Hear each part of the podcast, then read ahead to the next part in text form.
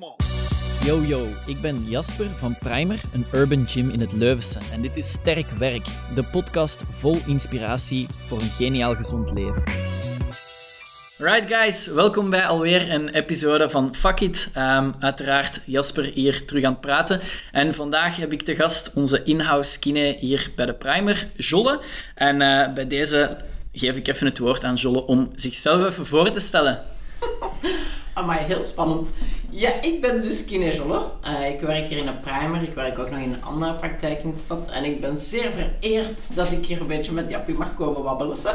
Alright, zalig. Um, Jolle, misschien kort, want er gaan mensen zijn die je goed kennen en mensen zijn die je totaal nog niet kennen. Hoe lang zeg jij ongeveer kine nu?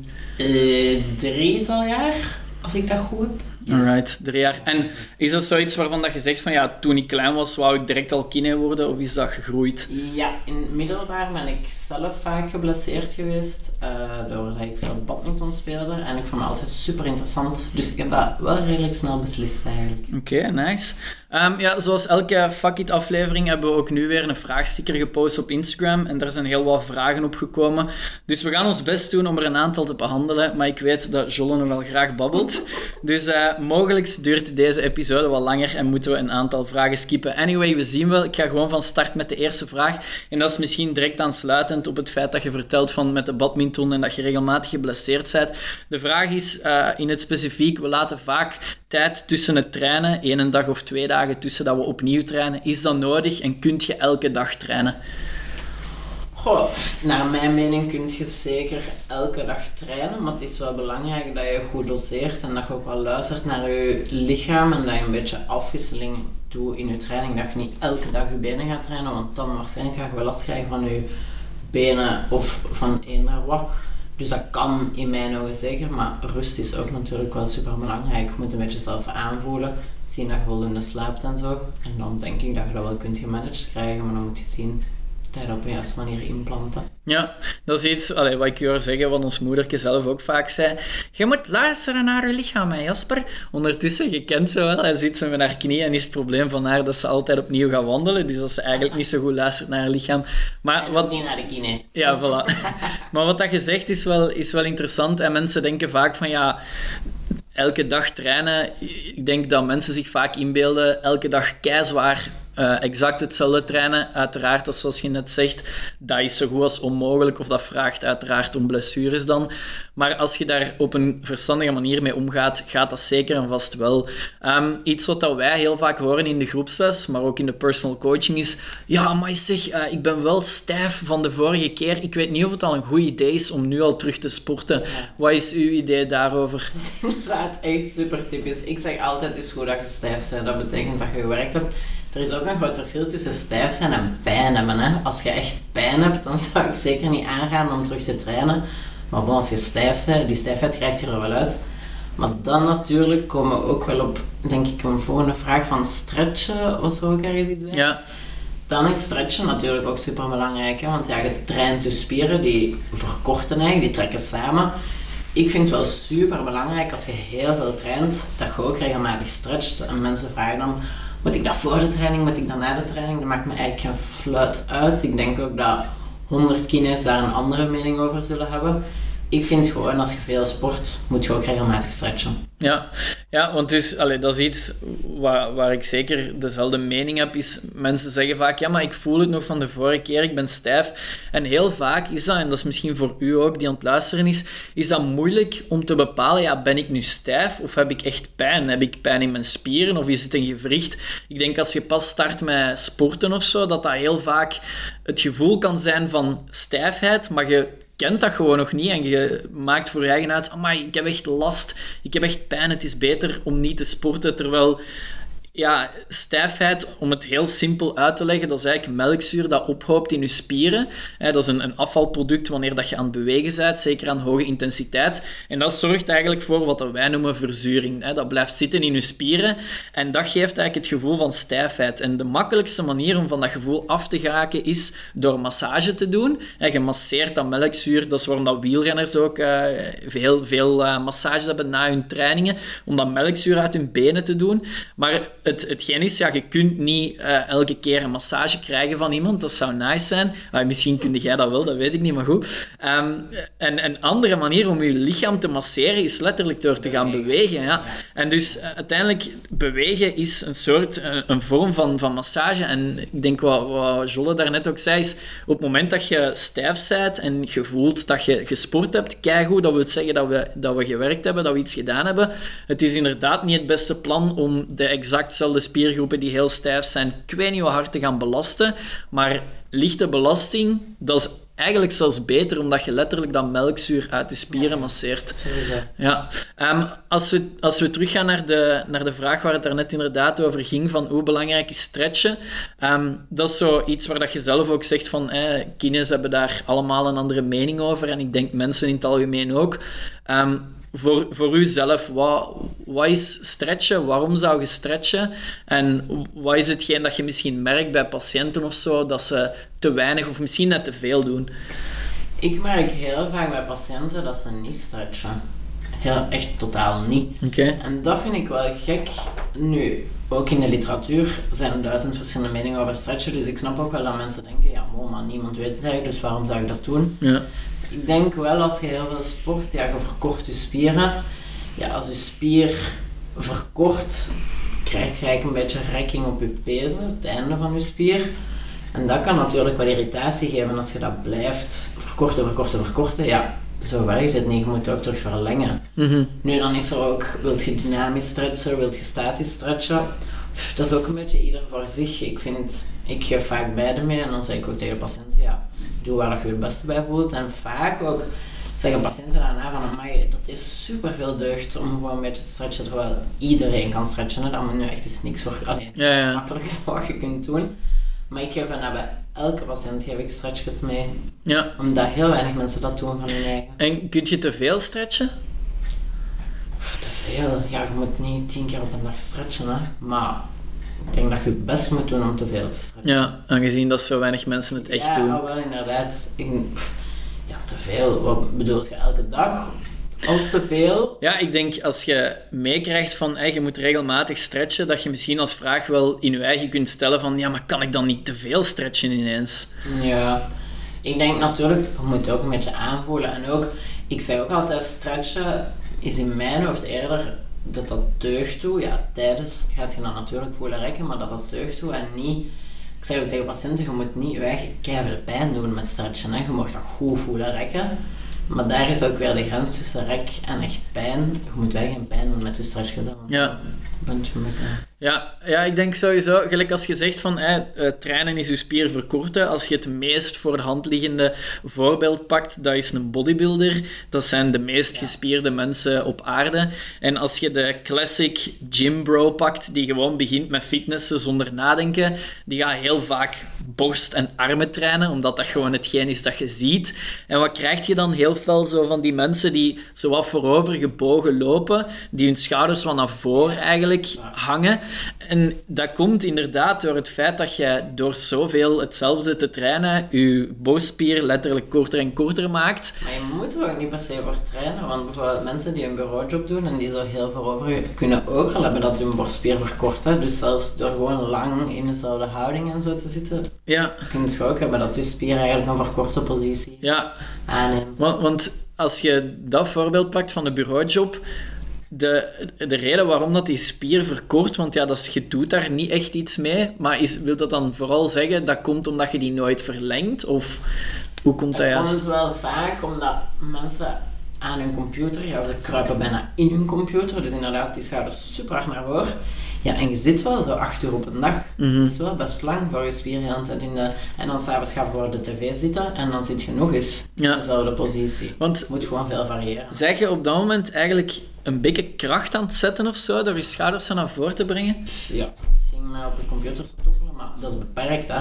Maar je zit gewoon de hele tijd in dezelfde positie, hè. Ja, Je hebt... Allee, mini ja, vanaf dat je schouders beweegt, krijg je een mini-contractie, hè. ja, En dat zal niet bewust actief zijn, maar ja. ja.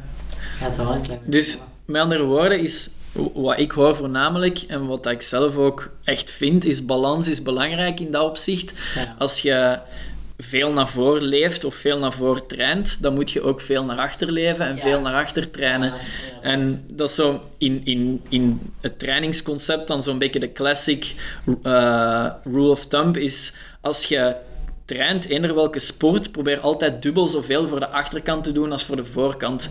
Dus als jij bijvoorbeeld, als concreet een tip, als jij vijf reeksen bencht, dan moet je zien dat je minstens tien reeksen een pullbeweging gedaan hebt. Lat pulldowns, rows, eh, pull-ups enzovoort, om, om letterlijk die achterkant ja, in balans te brengen, zo sterk mogelijk te maken.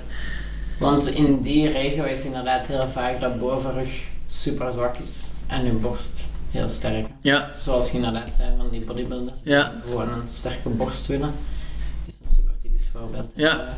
En inderdaad, zoals je daarnet ook zei, als jij zegt van maar ik train eigenlijk niet, ik werk op de computer, eigenlijk komt dat min of meer op hetzelfde uit, omdat je altijd Ja, naar voren leeft. Wel, nou ja, die belasting is iets lager natuurlijk, hè? maar je zit wel altijd in dezelfde positie. En als je bijvoorbeeld iemand hebt die bij u komt, die zo het classic eh, bureaupostuur of zo heeft, die wat naar voren hangt, wat is dan uw go-to strategie om die daarvan af te helpen? Ik zeg sowieso dat ze om het half uur eens moeten rechtstaan en in het rond moeten wandelen. Dat ze eigenlijk super veel van houding moeten wisselen. Een keer met je benen gekruist, een keer naast elkaar, een keer overdreven rechtop. Ik raad ook aan om overal post-its te hangen, zodat je de hele tijd eraan herinnerd wordt. Want ja, tuurlijk, als je druk aan het werk bent, bent je niet de hele tijd aan het denken, ah ja, ik moet eigenlijk rechtop zitten. Dat, dat doet niemand. Mhm. Een keer dat je geconcentreerd op je werk bent, terwijl als je wat dingen in het rond hangt die je afleiden, waar je naar kijkt sowieso, word je daar wel meer aan herinnerd. Ja, En sowieso, vaak ook aan die mensen geef ik wel wat stretchjes mee, gewoon ook dat die hun lichaam wat beter leren kennen. Ja, want allee, ik denk als we teruggaan naar zo het, het, idee van balans, is ehm, als je. De, de vraag was van hoe belangrijk is stretchen. Het hangt inderdaad wat af van persoon tot persoon. Als jij bijvoorbeeld heel uitgebalanceerd bent en je leeft heel veel naar voren, of je hebt heel lang gebodybuild en je, je chest is heel tight, je, je zit daar met verkorte spieren, dan denk ik dat het extreem belangrijk is om dat te gaan uitbalanceren met wat stretches voor je borstspieren bijvoorbeeld. Want er zullen zeker ook mensen zijn die daar geen last van hebben. Hè? Ja, En als je geen last hebt, doe gerust verder. Hè? Dat Ja. is geen probleem. Hè? ja, ja. Als ik, als ik mezelf als voorbeeld neem, ik merk ook wel, ik kom ook af en toe eens naar uh, Kine Jolle en dat is meestal om te needelen. En dan zegt jij ook tegen mij, ja, hier staat wel spanning op ze. Hè. En dan denk ik ook van, ja, ik betrap mezelf ook wel op het feit dat ik meer train dan stretch. Ja. En dat dat iets is dat voor mij wel uit balans is, waarvan ik niet denk, ja, ik moet elke dag uren spenderen aan stretchen of zo, maar de balans bij mij helpt ietsje te veel naar veel tijd in trainen, weinig in stretchen. En ik merk ook, zoals je daarnet zei, soms doet dat heel goed voor mijn lichaam om gewoon even het matje uit te rollen en een aantal stretchoefeningen te doen. Ik vind dat zalig. Ik heb ook vorig jaar met de eerste lockdown, ja, me wel wat verveeld. Dan, ik was altijd wel zo wat geïntrigeerd door die yoga, want iedereen doet dat opeens. En ik dacht echt van bullshit is. En toen ben ik daar zelf mee begonnen en nu zou ik bijna zeggen dat ik verslaafd Het is echt zalig. Het is super aangenaam. Dat is echt super goed om zoiets rustig, ja eerder stretch. Nu, er is ook power yoga en zo, dat is iets anders natuurlijk hè. Maar het is echt goed voor je lichaam. Zeker als je inderdaad regelmatig traint. Maar ik merk dat hier bij patiënten, ik zie dat in de andere praktijk zeker ook, dat ja, zo'n stretchen of zo'n mobiliteit, mobiliteitsoefening, dat dat Ja. vaak super beperkt is. En die willen kracht en die willen kracht. En ja, dat is allemaal goed, maar dat gaat niet werken. Als- Ja, ja. Allee, Ja, ja eh, een, een concept waar dat ik vaak aan vasthoud is eh, stabiliteit kan niet zonder mobiliteit en mobiliteit kan niet Ja. zonder stabiliteit. En stabiliteit, als je het even zo heel plastisch wilt uitbeelden, is letterlijk trainen. Dat is je spieren sterker en stabieler maken en dus ook echt korter maken. er is ook nog een groot verschil tussen stabiliteit en echt kracht. Hè?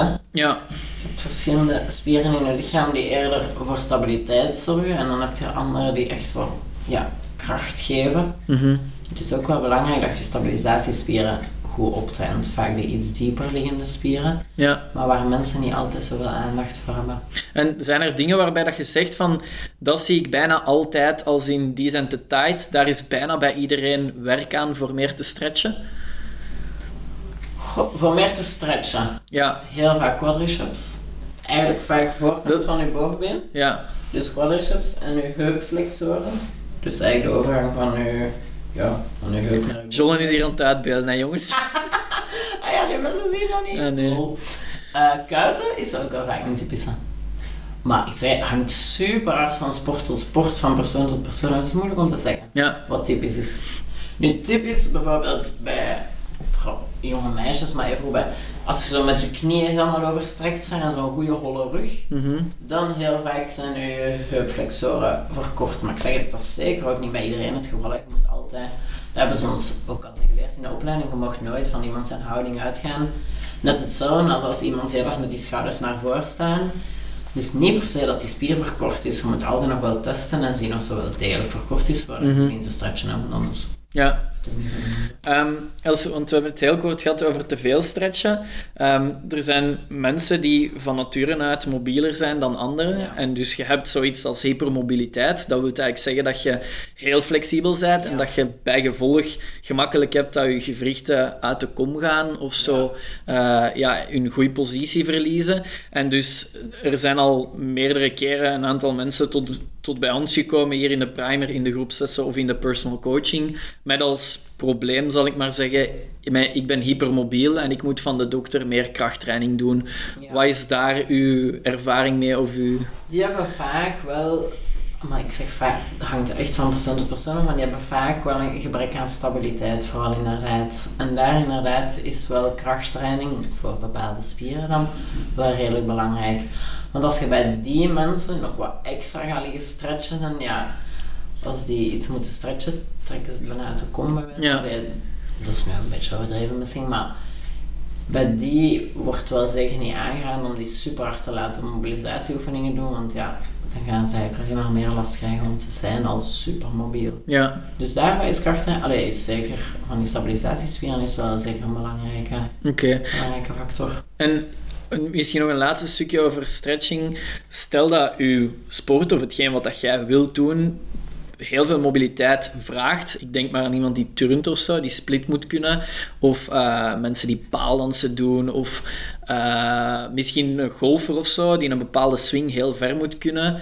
Ja, dan moet je ook wel die mobiliteit extra gaan Ja. trainen, omdat je in een bepaalde positie moet En geraken. vaak worden die daarin gepusht ook. hè. Ja, Ik, daar sta ik niet altijd zo hard achter, maar ja, bon. inderdaad, als het moet voor je sport, dan moet het natuurlijk. Hè. ja, Maar dan blijft het ook super belangrijk om wel ook de spieren die dan de stabiliteit moeten geven, dat je die toe deftig optraint. Want inderdaad, turnster is een zeer goed voorbeeld, die eigenlijk heel hyperrelax zijn en dan daar nog eens harder in worden geduwd. Ja, zo ideaal is dat niet voor je lichaam. Hè. Ja. Inderdaad, als je dat op topsportniveau doet, ja, dan moet het. Hè. En ik denk ook wel dat, zoals die turnsters, die zijn vaak ook wel zodanig sterk dat dat wel oké is. Dat Ja. ze met hun kracht het wel kunnen, kunnen onder controle ja, want uiteindelijk, stel dat zij er niet sterk genoeg voor zouden zijn, Dan krijg je blessure. Voilà, dan is het constant blessures of je schiet constant uit de kom of zo. Come on. Amai, zometeen gaan we verder met deze podcast, want de interessante info blijft maar komen. Maar ik wil toch even gebruik maken van het moment om te zeggen, eindelijk. De gyms zijn terug open. Nu, wat wil dat voor ons zeggen? Wel, er is 500 vierkante meter bij. Onze outdoor space die is nog altijd volop in gebruik, dus als je graag buiten traint, meer dan welkom. Maar er is nog meer plek dan ooit. 500 vierkante meter is erbij gekomen. Dus wilde jij bij ons komen open gymmen, wilde jij bij ons een groepsles doen, contacteer ons even, vraag een gratis try-out week aan en we zijn vertrokken. Hè. Info at primaryacademy.be. Tot snel en geniet intussen van de podcast.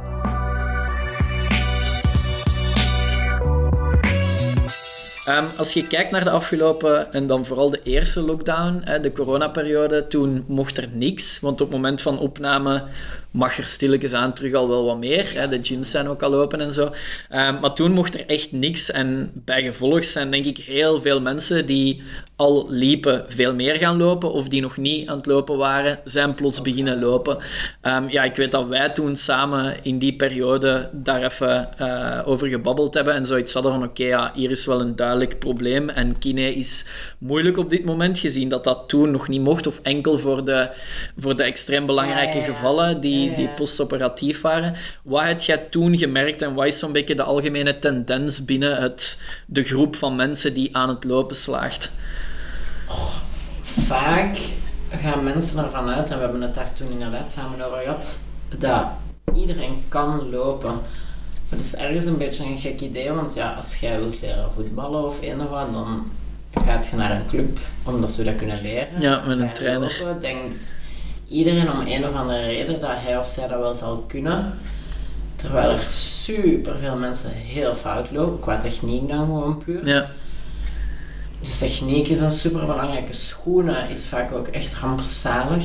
Mensen die ja, zo op hun sloefjes denken, ja, ja. het zal wel goed genoeg zijn. Loopschoenen is echt een super belangrijke, vind ik persoonlijk. Want, dus ik denk dat mensen vaak redeneren, ja goed, om te gaan joggen, ik pak gewoon mijn loopschoenen en of dat dan nu echt goed zijn of niet. Ja, of sportschoenen gewoon inderdaad. Ja. En dat is toch wel best een groot verschil.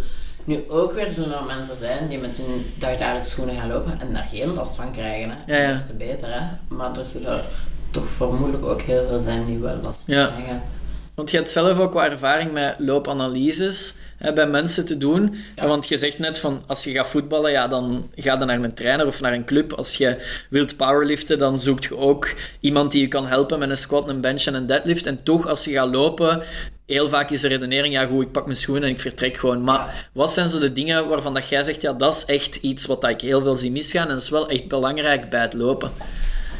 Wat je vaak ziet is dat mensen, ze komen dan van achter hun computer en zijn nog altijd heel voorovergebogen. Zo lopen echt heel veel mensen. Het is wel redelijk belangrijk dat je heel rechtop loopt.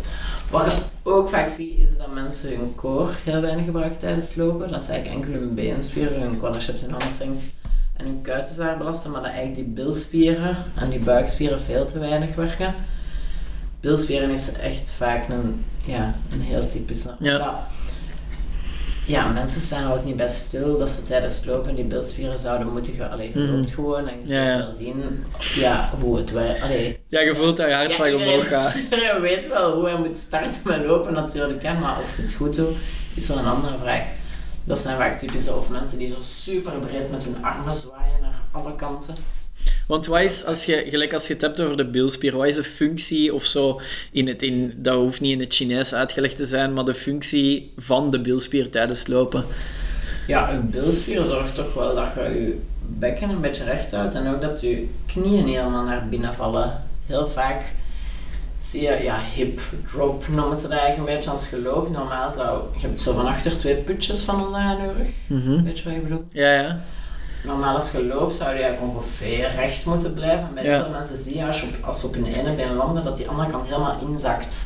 Dat je eigenlijk heel weinig stabiliteit hebt aan je Ja, bekken en dat ja, is niet zo ideaal natuurlijk. Hè. ja. En dus dat komt door veel te zitten en je billen niet meer te gebruiken? Niet per se, dat kan van alles komen. Het kan ook zijn dat andere spieren gewoon dominant geworden zijn. Heel vaak, ja, er is een bepaalde bilspier die eigenlijk een beetje dezelfde functie heeft als je hamstrings van achter. En bij veel mensen is gewoon die hamstring sterker en zo gewoon van te werken, dat die dat tijdens het lopen ook doet. Maar bij het lopen heb je wel echt je bilspier nodig om genoeg stabiliteit te hebben. Gaat je beweging sowieso kunnen maken, hè, want Ja. iedereen kan vertrekken met lopen. Maar je gaat wel zien dat je toch wat te ko- Allee, Ja. nu ik zeg het, even hoe krijgen mensen er geen last van, hè? Hopelijk. En, en, want uiteindelijk, eh, heel soms komt er ook iemand tot bij ons die zegt van ja, ik ben eigenlijk van nature redelijk mager, dus ik heb nooit het gevoel gehad dat ik moest of moet sporten. Maar ik begin nu toch wel aan mijn lichaam te voelen dat er zo wat dingen pijn beginnen doen. En ik denk zo, de groep die kan gaan lopen zonder meer en daar niet zo gemakkelijk last van heeft, dat is misschien zelfs nog de gevaarlijkste groep als die uiteindelijk toch begint last te krijgen. Omdat die hebben gewoon zoiets van, ja, het is mij altijd gelukt. Ik hoef niet een bepaalde guidance of, of iets van extra info te hebben om te lopen of zo. Nee, ik denk sowieso inderdaad, als je nooit iets van sport of zo gedaan hebt en dan super veel gaat beginnen lopen, dat de kans wel klein is dat je geen last gaat krijgen. Nu, er zijn altijd uitzonderingen op de regelen. Ja. Dat is zeg maar wel... Allee, als je dan echt lange afstanden wilt doen, denk ik toch... Want als je zo, gelijk na corona of na de eerste lockdown, wat zijn zo de meest voorkomende loopblessures die dat jij wat gezien hebt?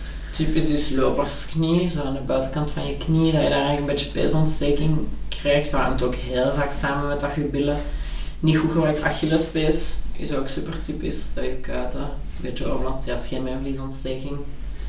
Het zijn er verschillende, ja, je kunt van alles voor hebben van lopen, maar heel vaak, ja, heel vaak is dan toch wel een beetje een combinatie van techniek, alleen gebrek aan techniek en schoenen. Is ik zeg het mij alleen als je al geblesseerd bent en dan gewoon met nieuwe schoenen in te lopen, dan gaat het wel meestal niet meer opgelost. Allee, Ja, is ja. het eigenlijk een beetje te laat. Allee, Ja. ja.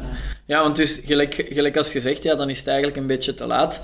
Dat is iets interessants, waar daar ook een vraag over is, van ja, de kine wordt eigenlijk via de dokter terugbetaald, maar je moet wel een voorschrift hebben en als je naar de dokter gaat, dan heb je eigenlijk al een probleem. ja. Wat is uw mening of uw gedachte daarover?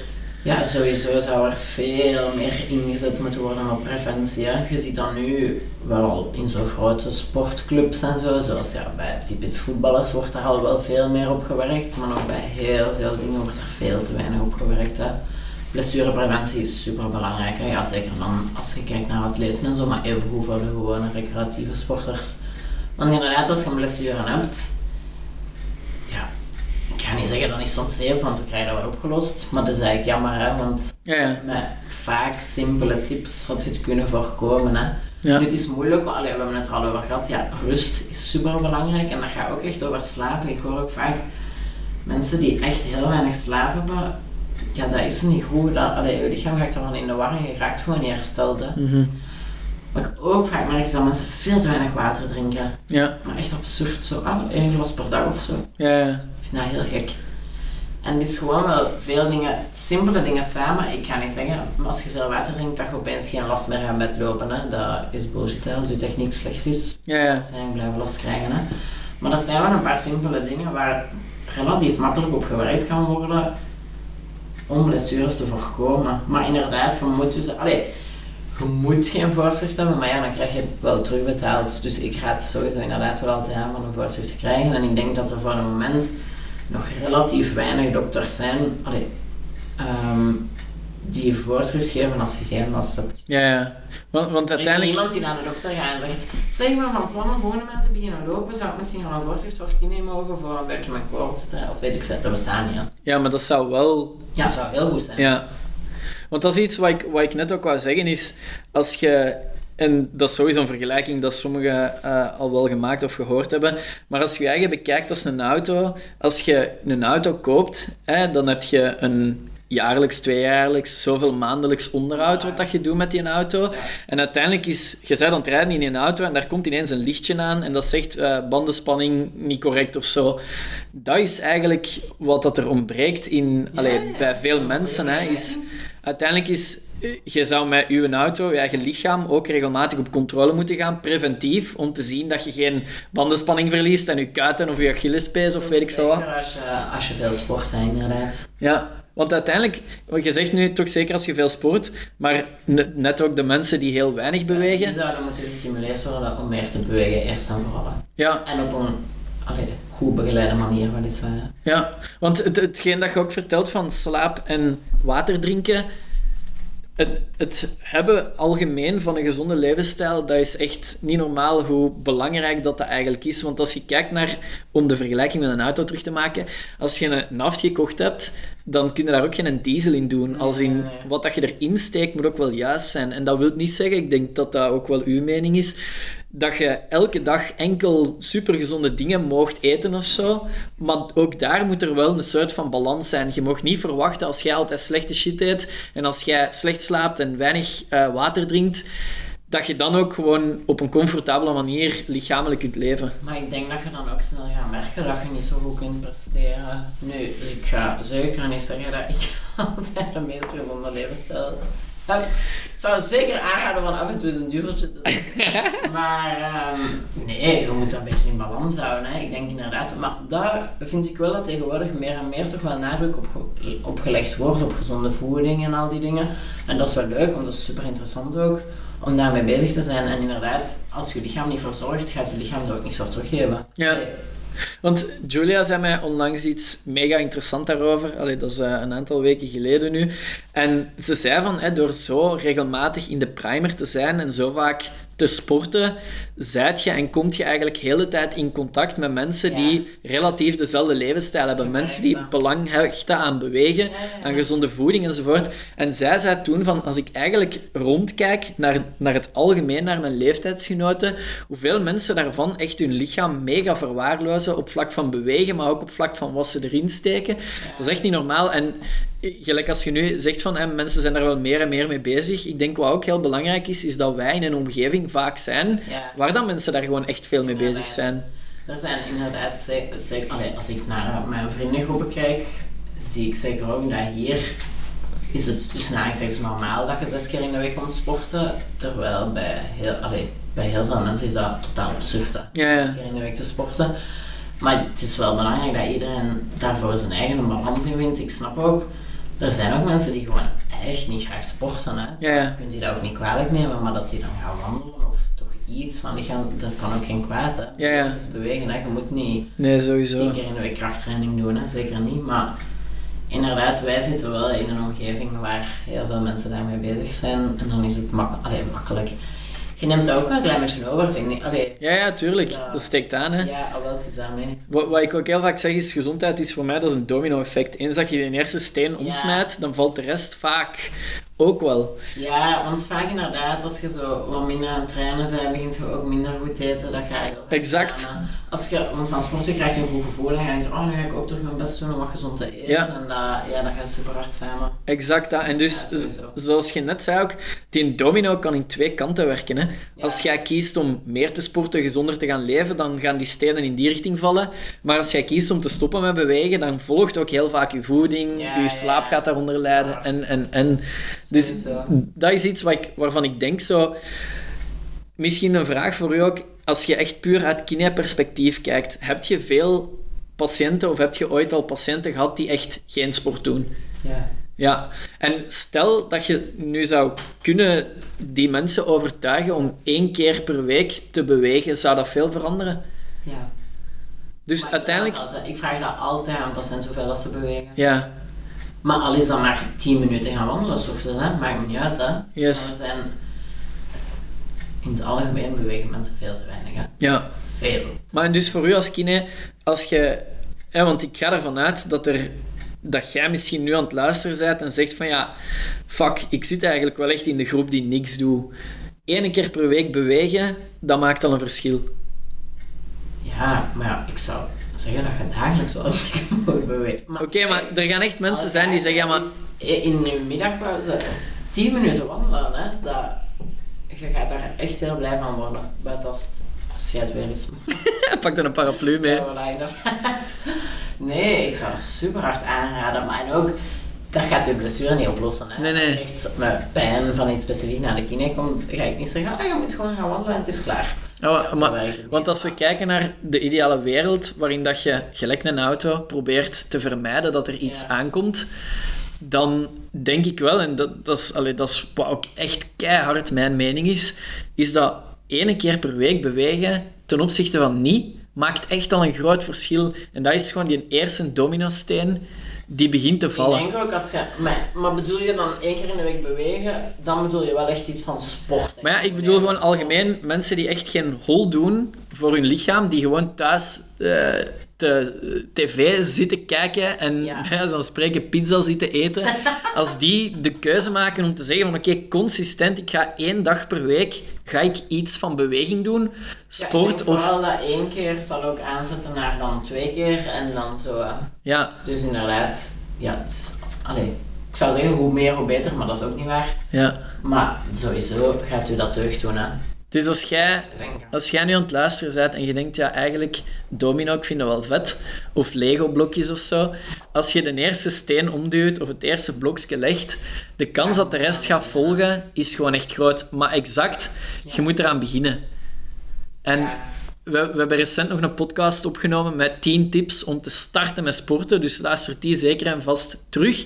Maar heel belangrijk is inderdaad om gewoon te zeggen: oké, ik begin te bouwen aan een gezonde levensstijl, want dan probeer ik ervoor te zorgen, en dat is misschien niet zo goed voor uh, de financiële kant, maar dat Jolle niet al te veel werk heeft, hoewel uiteraard zal er altijd wel volk zijn uh, die naar de kine komt. Ja, altijd welkom. Altijd welkom. Um, we hebben nog twee vragen, maar die zijn ietsje meer, uh, of ietsje minder serieus. Die gaan we zo meteen behandelen. Maar misschien nog belangrijk om even mee te geven. Stel dat mensen zeggen van, hey, die Jolla, dat klinkt mij wel echt een toffe en die kent er wel wat van. Dat is absoluut zo, dat kan ik ook, uh, ook uh, beamen. Um, hoe kunnen mensen bij u terecht voor de kine? Ja, je kan mijn e-mailadres staat op de site, mijn telefoonnummer denk ik zelfs ook. En je kan ook gewoon via de site zelf een afspraak inboeken normaal gezien. Dus soms doet dat systeem wel wat raar. Dus dan belt je mij maar gewoon. En dus de site is primeracademy.be en de Instagram is? Uh, amai. Nee, Physio at Primer. Ja, Physio at Primer en daar gaan wel hier en daar puntjes tussen staan. Hè?